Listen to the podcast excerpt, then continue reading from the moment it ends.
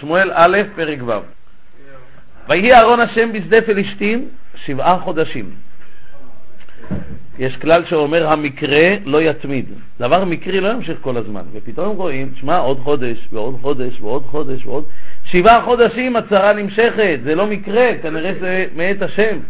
ויקראו פלישתים לכהנים ולקוסמים לאמור, מה נעשה לאהרון השם? הודיעונו במה נשלחנו למקומו. הם קוראים לקוסמים ולכהנים. אומר המלבים, היה להם שתי שאלות. שאלה ראשונה, קודם כל, האם לשלוח אותו? זה לא פשוט, יש לנו שבי כזה גדול, ארון ברית האלוקים של עם ישראל, לא כל כך פשוט לוותר על כזה נכס אסטרטגי, לשלוח או לא. דבר שני, הם שואלים, ואם נחליט לשלוח אותו, איך ניקח, איך נשלח אותו? ניקח אותו בעגלה או נישא אותו בכתף? נ, נ, נ, נשלח אותו עם מנחה או נשיב אותו ריקם? ולכן הם קורא, קוראים לכהנים ולקוסמים. את השאלה הראשונה, האם לשלוח אותו או לא, זה הקוסמים. הקוסמים יודעים דברים הנעלמים, דברים מעל הטבע, דברים סגוליים, בזה הקוסמים מתעסקים. הם ידעו בלהטיהם האם המכה הזאת היא על פי השגחה או במקרה, ואם כשנשלח את הארון המכה תסור מאיתנו. אז לזה הביאו קודם את הקוסמים כדי לדעת לשלוח או לא לשלוח. השאלה השנייה, אם כבר נשלח, איך לשלוח? מי אלה שיודעים איך, איך, מהו כבוד האלוה? מי אלה שיודעים? זה הכהנים. הם יודעים איך לשאת את הארון, האם על הכתף, או לשאת אותו בידיים, או על עגלה, או לחלות פניו במנחה, או לשלוח פניו ריקם, אפילו שהם גויים. אבל הכהן, הוא, הוא כביכול יש לו דרך בעבודת האלוקים, גם אם זה האל של העבודה זרה, או להבדיל אלפי הבדלות, עבודת האלוקים. יש להם הבנה בזה, והם ידעו מהו הדרך המכובדת יותר. תשימו לב, לדוגמה, צריך גוי לא הופך יין להיות יין נסך אם זה יין מבושל, לדוגמה. או יין מתוק, לדוגמה. למה דינו כזה? מכיוון שלא מנסחים יין כזה לגבי המזבח. יין כזה לא מנסחים, יין מבושל לא מנסחים אותו על גבי המזבח.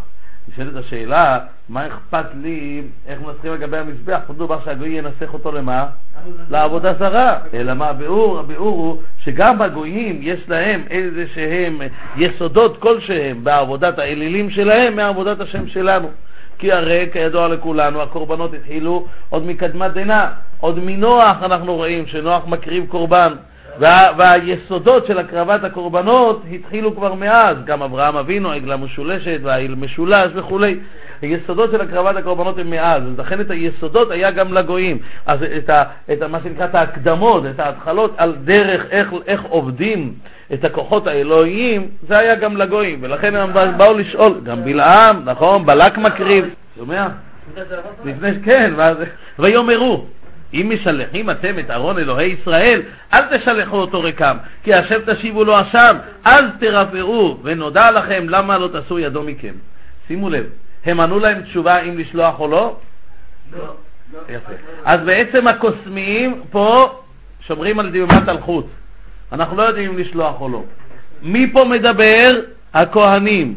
הכהנים אומרים, תנו לקוסמים להחליט אם לשלוח או לא. אנחנו רק נגיד לכם שאם תחליטו לשלוח, אתם יודעים איך תשלחו אותו? אתם צריכים לשלוח אותו עם מנחה, תשיבו לו אשם, אז תרפאו, אז תסור מכם המכה.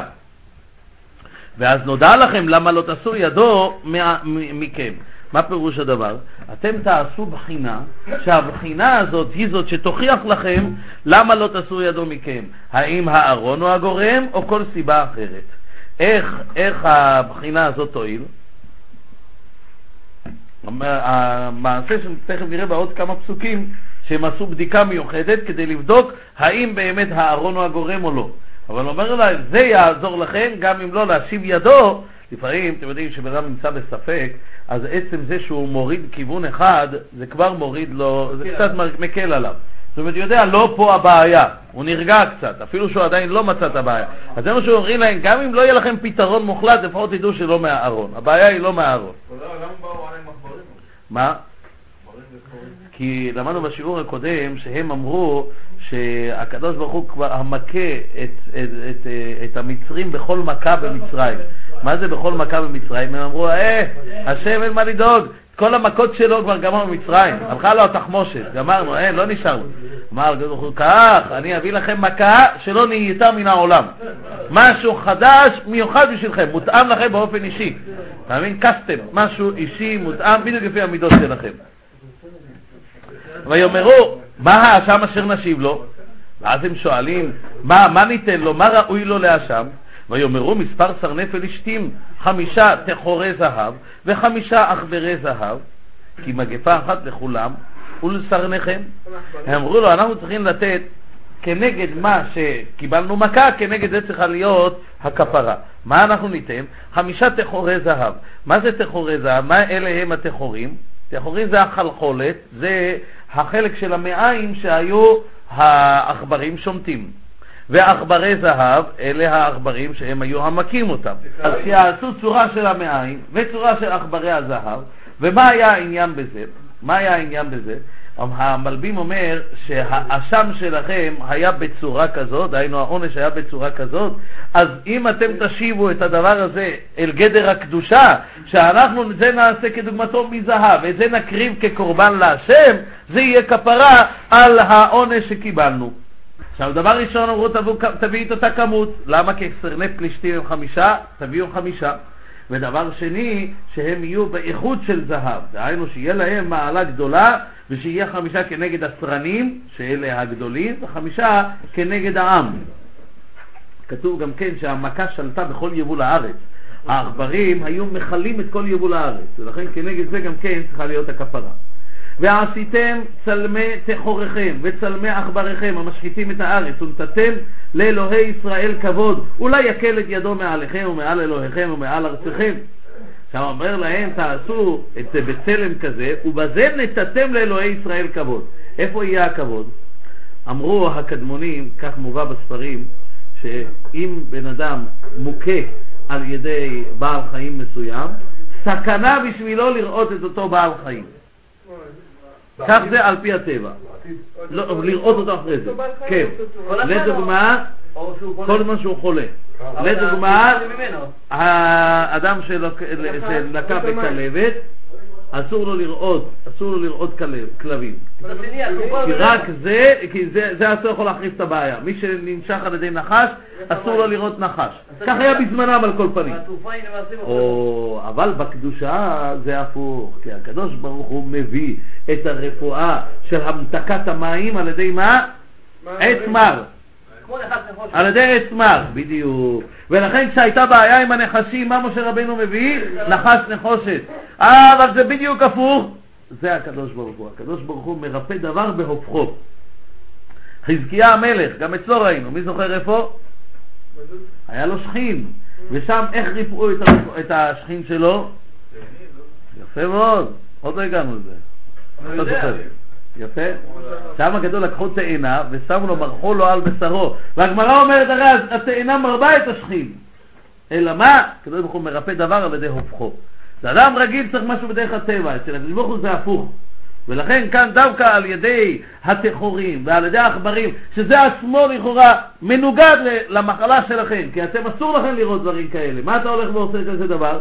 אלא זה עצמו ייתן כבוד לאלוהי ישראל, שזה מראה שאנחנו מכירים שהמכה היא אלוקית, והאלוקים מרפא על ידי הופכו. ולכן דווקא את זה אנחנו נביא, ובזה ניתן כבוד לאלוהי ישראל. ולמה תכבדו את לבבכם? כאשר כיבדו מצרים ופרעו את ליבם, הלא כאשר יתעלל בהם, וישלחו וילכו. אומר להם, ולמה תכבדו את לבבכם? מה זה תכבדו את לבבכם? להכביד את ליבו, כמו פרעה. זה הכוונה, לא מלשון לכבד את התה. למה תכבידו? זה הכוונה. למה, בדיוק, כבד לב פרעה. ולמה תכבידו את לבבכם כאשר כיבדו מצרים ופרעו את ליבם, הלא כאשר יתעלל בהם וישלחום וילכו. זאת אומרת, פה הם חוזרים לשאלה הראשונה. השאלה הראשונה הייתה אם לסלוח. הקוסמים שתקו עד עכשיו. הכהנים אומרים לא יודעים אם לשלוח, זה לא שאלה שלנו, אבל אנחנו נגיד לך איך לשלוח אם תשלחו. עכשיו הם חוזרים לשאלה הראשונה. הם אומרים, תראו, אם אתם מודים שהמכה הרי הייתה על ידי הארון ובסיבתו, אז הם אומרים להם, למה תכבידו את לבבכם? הנה בואו ראו, הנה בואו ראו מה קרה למצרים. הרי מצרים, גם הם בהתחלה תלו את הסיבה ואת הכל, תלו את זה במה? משהו דברים טבעיים, מקרה, משה רבנו מכשף, ועל ידי זה, כן, את הכל תלו בעניינים בסיבות טבעיות, הם לא תלו את זה בסיבות אלוקיות, ומזה הם קיבלו עשר מכות. אם הם היו שולחים מיד, לא היו סובלים כל כך. מה, אתם גם רוצים? זאת אומרת, לא מספיק לכם שיעור אחד, לא הספיק לכם, אתם רוצים סדרה של שיעורים עד שאתם בסופו של דבר תשלחו את הארון? ועתה, ולכן יש לנו המלצה, עכשיו גם לעצם השאלה אם לשלוח, יש לנו גם לזה המלצה. ועתה ככו ועשו עגלה חדשה אחת ושתי פרות עלות, אשר לא עלה עליהם עול, ואסרתם את הפרות בעגלה, והשבותם ביניהם מאחריהם הביתה. עכשיו, כששאלתם, אתם לא הרי לא בטוחים האם המכות הן מסיבה של השגחת הבורא או שזה דבר מקרה. בואו נעשה בחינה. איך נעשה את הבחינה הזאת? א', תעשו עגלה חדשה כדי לשים עליה את הארון. למה חדשה? למה חדשה? למה? כי זה יותר מכובד מאשר עגלה שהדיוט ישתמש בה להוסיף בה את המלך, נכון? עושים עגלה חדשה שתהיה רק למלך. גם פה עגלה חדשה מטעם כבוד. דבר שני, עוד סיבה אומר המלבים, מכיוון שהעגלה החדשה לא נוסעת כל כך טוב. העגלה הישנה כבר הכל שם, אתם יודעים, פעם רכב, מי שזוכר לפני 30 שנה, כשהיה חדש, כן, כשהיה חדש היו שמים עליו שלט בהערצה. אז בכל אופן, העגלה החדשה צריכה הרצה. ואז למה זה טוב? כי העגלה הזאת לא הולכת מעצמה בדרך, היא צריכה יותר התמודדות. וכיוון שזה צריך יותר התמודדות, אם תלך בכיוון הנכון, זה יותר ראיה שזה באמת מאיתו יתברך. לכן תיקחו עגלה חדשה. דבר שני, תיקחו שתי פרות עלות. מה זה פרות עלות? תכף נראה. עלות הכוונה מניקות. פרות עלות מניקות, אין דרכם לשאת מסעות. דבר שלישי, אשר לא עלה עליה עול, היא לא רגילה לשאת מסעות מהעולם כיוון שהיא לא רגילה לשאת, כי אף פעם לא עלה עליה עול. והסיבה שלא עלה עליה עול מעוד סיבה, מהסיבה של העגלה החדשה. אין כבוד לקחת את ארון ברית השם בפרות שכבר שימשו לחרישה ולא עוד דברים אחרים. דבר נוסף, ואסרתם, תשימו את בניהם מאחריהם, ואז באופן טבעי כשבהמה שמים את בניה מאחריה, מה היא עושה? חוזרת אליו. לא, ואתם תשימו את בניהם אחריהם, שהם ייגעו מאחריהם, ותשימו את הפרות, נראה לאיזה כיוון הם ילכו, האם ילכו בכיוון של בית שמש, או יחזרו בחזרה, לא ירצו לעזוב את בניהם. עלות מניקות. פרה לא, לא, לא מניקה עד שתלד בן. שום פרה לא מניקה עד שתלד בן. מניקות. מניקות. לא, לא, לא. זה הפשט, ולקחתם את ארון השם ונתתם אותו אל העגלה, ואת כלי הזהב אשר השבותם לו, אשם תשימו בארגז מצידו, ושילחתם אותו והלך. אז תשימו על זה את הארגז, את הארון, ושילחתם אותו והלך מעצמם. אבל הם אמרו, עדיין זה לא בחינה מספקת, אלא וראיתם אם דרך גבולו יעלה בית שמש, הוא עשה לנו את הרעה הגדולה הזאת. ואם לא, וידענו כי לא ידו נגעה בנו, מקרהו היה לנו. אתם עכשיו תראו, אם תראו שדרך גבולו יעלה בית שמש, דהיינו מעצמו ילך בגבול של בית שמש, אז אתם יודעים שזה הכל מאיתו יתברך. אבל אם לא, הוא לא ילך לכיוון בית שמש, תדעו שזה מקרה היה לנו. ויעשו האנשים כן, ויקחו שתי פרות עלות, ויעשרום בעגלה, ואת ביניהם כלו בבית. כלו הכוונה כמו כלאו, או כמו הגשם כלה, גם שם מלשון לכלוא. נכון, לפעמים כתוב כך ולפעמים כתוב כך. שהם כאילו לשתות. כן. כלה הגשם זה אה? כלה, כן, מסתיים. לא, יש ויקלה הגשם וזה עם א', ויקלה זה עם א'. כן, את הבנים סגרו בבית, נעלו אותם בדיר, שייתנו להם לגאות, ואת הפרות שלחו. עכשיו, הפרות באופן טבעי לא יעזבו את הילדים שלהם, והיו צריכות לחזור חזרה. אם הם הולכים לכיוון בית שמש, זה מראה שבאמת זה מאת השם, כי באופן טבעי הם לא אמורות ללכת לכיוון הזה. אתה רואה? כתוב, כן, בדיוק, חוכמה בגויים, תורה בגויים אל תאמין. עד הרגע האחרון לא האמינו שזה יד השם. כן, אבל עצם הרעיון לעשות בחינה זה רעיון חכם. כי הם יכלו להגיד מיד, זה יד השם, וגמרנו. אבל הרי אתה צריך להבין, הם לא במצב שלנו. אלה אנשים שעובדים פסל. אתה מבין? אז מבחינתם, כל מה שיש להם יכול להיות בגלל שהפסל מקפיד עלינו, כי בחג האחרון לא הבאנו מספיק קורבנות. אתה מבין? זה רעיונות שלא עולים לנו. אבל לאותו עובדי אלילים, הם מוצאים לעצמם כל מיני סיבות למה, אתה מבין? למה הפסל שלהם מקפיד עליהם. כן. וישרנה הפרות בדרך, על דרך בית שמש, במסילה אחת הלכו הלוך וגאו, ולא סרו ימין ושמאל, וסרני פלישתים הולכים אחריהם עד גבול בית שמש. וישרנה הפרות, זה נראה לכם מילה מתאימה, וישרנה הפרות?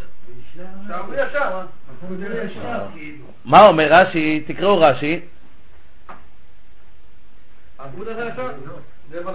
וישרנה, הרי תיבה זו אנדרוגינוס, מלמד שאב ולדות אומרים שירה. מה זה תיבה זו אנדרוגינוס? מהופך. זה חצי. זה זה. מה פירוש? יפה.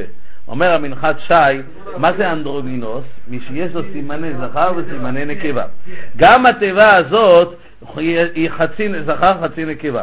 אם זה זכר, צריך להיות וישרו הפרות. אם זאת נקבה, צריך להיות ותיישרנה הפרות. אבל וישרנה, אתה, מתחיל וישרו, וישרנה זה התחלה של זכר, נא זה סוף של נקבה. הרי תיבה זו אנדרוגינוס. מה זה בא ללמד? אומרים חז"ל, מלמד וישרנה מלשון לשיר, שהיו הפרות הולכות ואומרות שירה, ולא רק הם, אלא גם הוולדות. אז הוולדות זה זכר או נקבה? ולד, זכר. פרה, נקבה. לכן. המילה אנדרוגינוס, דהיינו היא כוללת הזכר והנקבה, שרו יחד. מה, היה השיר? בבית היו ולדות, זה זכרים. מה, היה השירה? אומר, אומרת הגמרא בעבודה זרה. ומהי שירה? אמרו אמר רבי יוחנן משום רבי מאיר, אז ישיר משה ובני ישראל. הפרות עצמן שרו. רבי יוחנן אמר, אמר ואמרתם ביום ההוא הודו להשם קראו בשמו. רבי שמעון, תכף נסביר, ניתן גם דוגמאות. רבי שמעון בן לקיש אמר, היו אומרים מזמור שירו להשם שיר חדש כי נפלאות עשה הושיע לו ימינו וזרוע קודשו. רבי אלעזר אמר השם מלאך ירגזו עמי- השם אה, מלאך ירגזו עמים.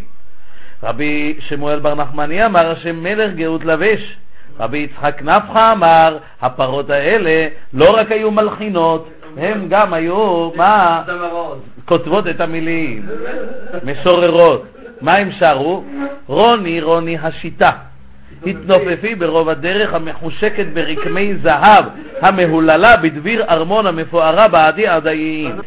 אז צריכים לדעת, דיברנו על זה כמה פעמים, ככה תוספות אומרים בכמה מקומות בש"ס, שתמיד כאשר אנחנו רואים שבהמה מדברת או שרה או דומם מדבר וכדומה, שם מדובר על השר שלו בשמיים. כל אחד מהם יש לו שר בשמיים, ושם מדובר על השר שלו בשמיים. ופה מה שגדול הפרות שרו, הכוונה השר של הפרות בשמיים. מה באמת השיר? בואו נסביר אם הפרות שרו, זאת אומרת, הם שרו, שרו משהו עם היגיון. מה זה רוני רוני השיטה? השיטה זה אהרון עצי שיטים. התנופפי ברוב הדרך, אומר, התרוממי, כי אהרון הרי נושא את נושאיו, התרוממי ברוב הדרך המחושקת, הכוונה הקשורה ברקמי זהב, דהיינו המצופה זהב טהור, מבית ומחוץ, הארון הוא הרי מצופה, המהוללה בדביר ארמון ומפוארה. כתוב שמה היה בתוך הארון, היה את לוחות הברית, היה ספר תורה שמשה רבינו כתב. הארון המהולל והמפואר במה שבתוכו, בעדי עדיים. ואין לך עדי עדיים יותר מן, הארון, מן הלוחות והארון שמשה רבינו כתב, שזה הפאר הגדול ביותר שהיה בתוכם. אז עכשיו היה פה כמה פלאים. דבר ראשון, וישרנה הפרות כפשוטו, הלכו ישר. זה וישרנה. דבר שני, על דרך בית שמש, יכלו ללכת בדרך אחרת, הם הלכו לכיוון בית שמש, לכיוון עם ישראל. דבר שלישי, במסילה אחת הלכו הלוך וגאו. במסילה אחת הכוונה, אפילו שיש כמה וכמה התפצלויות, וזה עצמו תמיד גורם לכך שהפרה יכולה ללכת לכל כיוון אחר. לא, במסילה אחת, בדרך אחת, הלכו דרך ישרה עד בית שמש. זה לא כמו בעל מונית שאתה מבקש שיקח אותך לאיזשהו מקום, אז הוא רואה שהנסיעה קצרה, אז הוא עושה לך סיור מודרך בכל העיר. לא, אלא הלכו במסילה בדרך הכי קצרה. זה מונה רק. כן. הלוך וגאו, גם שמחו מרוב השמחה שהיה להם על זה שמשיבים את ארון ברית השם אל מקומו, היו שרות מרוב שמחה. ולא הלכו ימין ושמאל, הכוונה, יש הרים, יש בקעות, הדרך מתעכלת, לא הלכו ימין ושמאל. וסרני פלישתים הולכים אחריהם. אם סרני פלישתים היו הולכים לפניהם, אז עוד היה אפשר לבוא ולהגיד, הדרך היא שהפרה הולכת אחר האדון. אבל פה סרני פלישתים הלכו מאחריהם, והנה בכל זאת הפרות המשיכו כדרכם. הרמה מפנו אומר, מי היו הפרות האלה? אומר הרמה מפנו בגלגולי נשמות, הפרות האלה היה גלגול של שלומית בת דברי ובתה. ושתיהן היו זונות. כך אומר הרמה מפנו, אחת עם דתן והשנייה עם אבירם. ולכן בפרות האלה הם ניתקנו. בפרות האלה ניתקנו. שתי פרות היו סך כן, שתי פרות. ובית שמש קוצרים כציר חיטים בעמק, וישאו את עיניהם ויראו את הארון וישמחו לראות. מה זה בית שמש? זה עם ישראל. וישמחו לראות, אומר רש"י, היו רואים איך הוא בא לבדו, ומשמחתם נהגו בו קלות ראש, שלא היו מסתכלים בו בהמה בדרך כבוד. יש הרד"ק מסביר הסבר נוסף, שהם פתחו לראות מה שבתוכו, ולא יבוא לראות קבלה את הקודש, אין זה דרך כבוד, ולכן נראה בהמשך את העונש שהיה להם. דבר נוסף, נראה שהם קיבלו עונש על זה. דבר נוסף, היו צריכים לצאת לקראת הארון, לקבלו בריקוד ושמחה, והם לא שמחו כראוי. אלא מה? השמחה היה שראו, אה, איזה יופי, הארון הגיע. הסבר נוסף, היו ממשיכים ועוסקים בקצירם, תוך כדי שהארון מגיע. ולכן כתוב בצמר קוצרים כציר חיטים. ממשיכים לקצור ומביאים את הארון.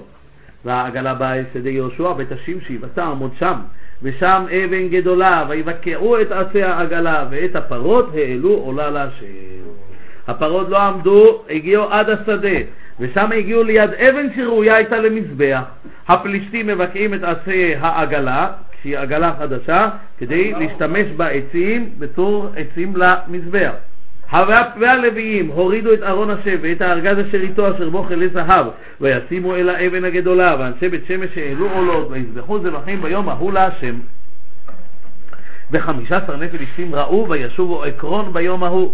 הם רואים את כל המעשה הזה ושבים עקרון ביום ההוא אומר המלבים עוד נס קפצה להם הדרך. באותו יום שבו עקרון. לא רק הליכתם היה בקצרה אלא גם חזרתם, וזה היה כדי לקדש שם שמיים, שיספרו בעקרון את הנס הגדול שהשם עשה להם. ואלה תחורי הזהב אשר השיבו פלישתים אשם להשם לאשדוד אחד, לעזה אחד, לאשקלון אחד, לגת אחד, לעקרון אחד, אחד כנגד כל עיר. ועכברי הזהב, מספר כל ערי פלישתים, שימו לב, את עכברי הזהב הם הביאו יותר ממה שאמרו להם הכהנים, לפי מספר כל ערי פלישתים. לחמשת הסרנים מעיר מבצר ועד כופר הפרזי ועד אבל הגדולה אשר הניחו עליה את ארון השם עד היום הזה בשדה יהושע בית השמשין. ויח באנשי בית שמש כי ראו בארון השם ויח בעם שבעים איש חמישים אלף איש ויתאבלו העם כי היכה השם בעם מכה גדולה. מכה באנשי בית שמש שבעים איש חמישים אלף איש. וזה באמת מספר משונה. כמה זה היה? או 70 או 50 אלף. או 70 או 50 אלף. אז באמת, חז"ל אומרים, יש הסבר אחד שהיכה 70 איש שהיו שקולים כ-50 אלף. המלבים אומר שייתכן שהכוונה 70 איש מתוך 50 אלף איש שעמדו שם. אלה שבאו לראות את הארון היו 50 אלף איש, מתוכם היכו 70 אה, איש. ולכן כתוב 70 איש, 50 אלף איש, הכוונה כמו 150 אלף איש, היכה 70 איש. והתאבלו העם כי היכה השם בעם מכה גדולה. חז"ל אומרים למה, אני רוצה להגיד לך שה-70 האלה היו חשובים. חז"ל אומרים למה נענשו, סיבה אחת כמו שאמרנו שהיו קוצרים ומשתחווים, לא עזבו את מלאכתם. סיבה שנייה, דיברו שלא כהוגן לארון. אמרו כביכול לארון, מי הרגיז אותך שהתרגלת ומי פייס אותך שחזרת? דהיינו, למה הלכת ולמה חזרת? אתם מבינים? זה היה דיבור מבזה כלפי הארון. ויאמרו אנשי בית שמש, מי יוכל לעמוד לפני השם האלוהים הקדוש הזה, ואל מי יעלה מעלינו? מי יוכל לעמוד לפני השם האלוקים? דהיינו, אם הסתפקו, האם הנגף הזה היה בגלל קדושת הארון, ואנחנו הרי לא, לא התקדשנו כראוי, אולי צריך לטבול במקווה, אולי היה צריך להתקדש כראוי, או שזה היה בגלל שהקדוש ברוך הוא לא רוצה להיות במקום זה, אלא צריך להעלות אותו למקום אחר. ולכן עם דבר אחד הם אומרים מי יוכל לעמוד לפני השם האלוקים הקדוש הזה. והשאלה השנייה, ואל מי יעלה מעלינו? דהיינו, לאן ניקח אותו? אולי מקום אחר, זה יהיה מקום שבו לא יהיה נגף. וישלחו מלאכים אל יושבי קריית יערים לאמור, השיבו פלישתים את ארון השם, רדו, העלו אותו עליכם. שולחים אל קריית יערים ואומרים להם, הנה בואו תיקחו את הארון עליכם, אל תחששו להביא אותו עליכם, מכיוון שהשיבו אה, פלישתים את ארון השם. הם מתכוונים לומר, הם מתכוונים לומר שקריית יערים הייתה קצת קרובה אל פלישתים. קריית יערים הייתה קרובה אל פלישתים, ואז היה חשש שהם יגידו להם, מה, אתם עוד פעם מביאים אותו אלינו? פלישתים עוד פעם יבואו לקחת אותו. זה קרוב לפלישתים. הנה, לא השיבו פלישתים את ארון השם. אין לכם מה לדאוג, פלישתים החזירו את הארון אחרי המכה הרצינית שהם קיבלו, הם כבר לא יבואו לקחת כאלה סיכונים. הם כבר השיבו את ארון ברית השם, וממילא אתם יכולים להיות סמוכים ובטוחים שבעזרת השם לא יקרה שום דבר רע. ולכן בואו וקחו את הארון.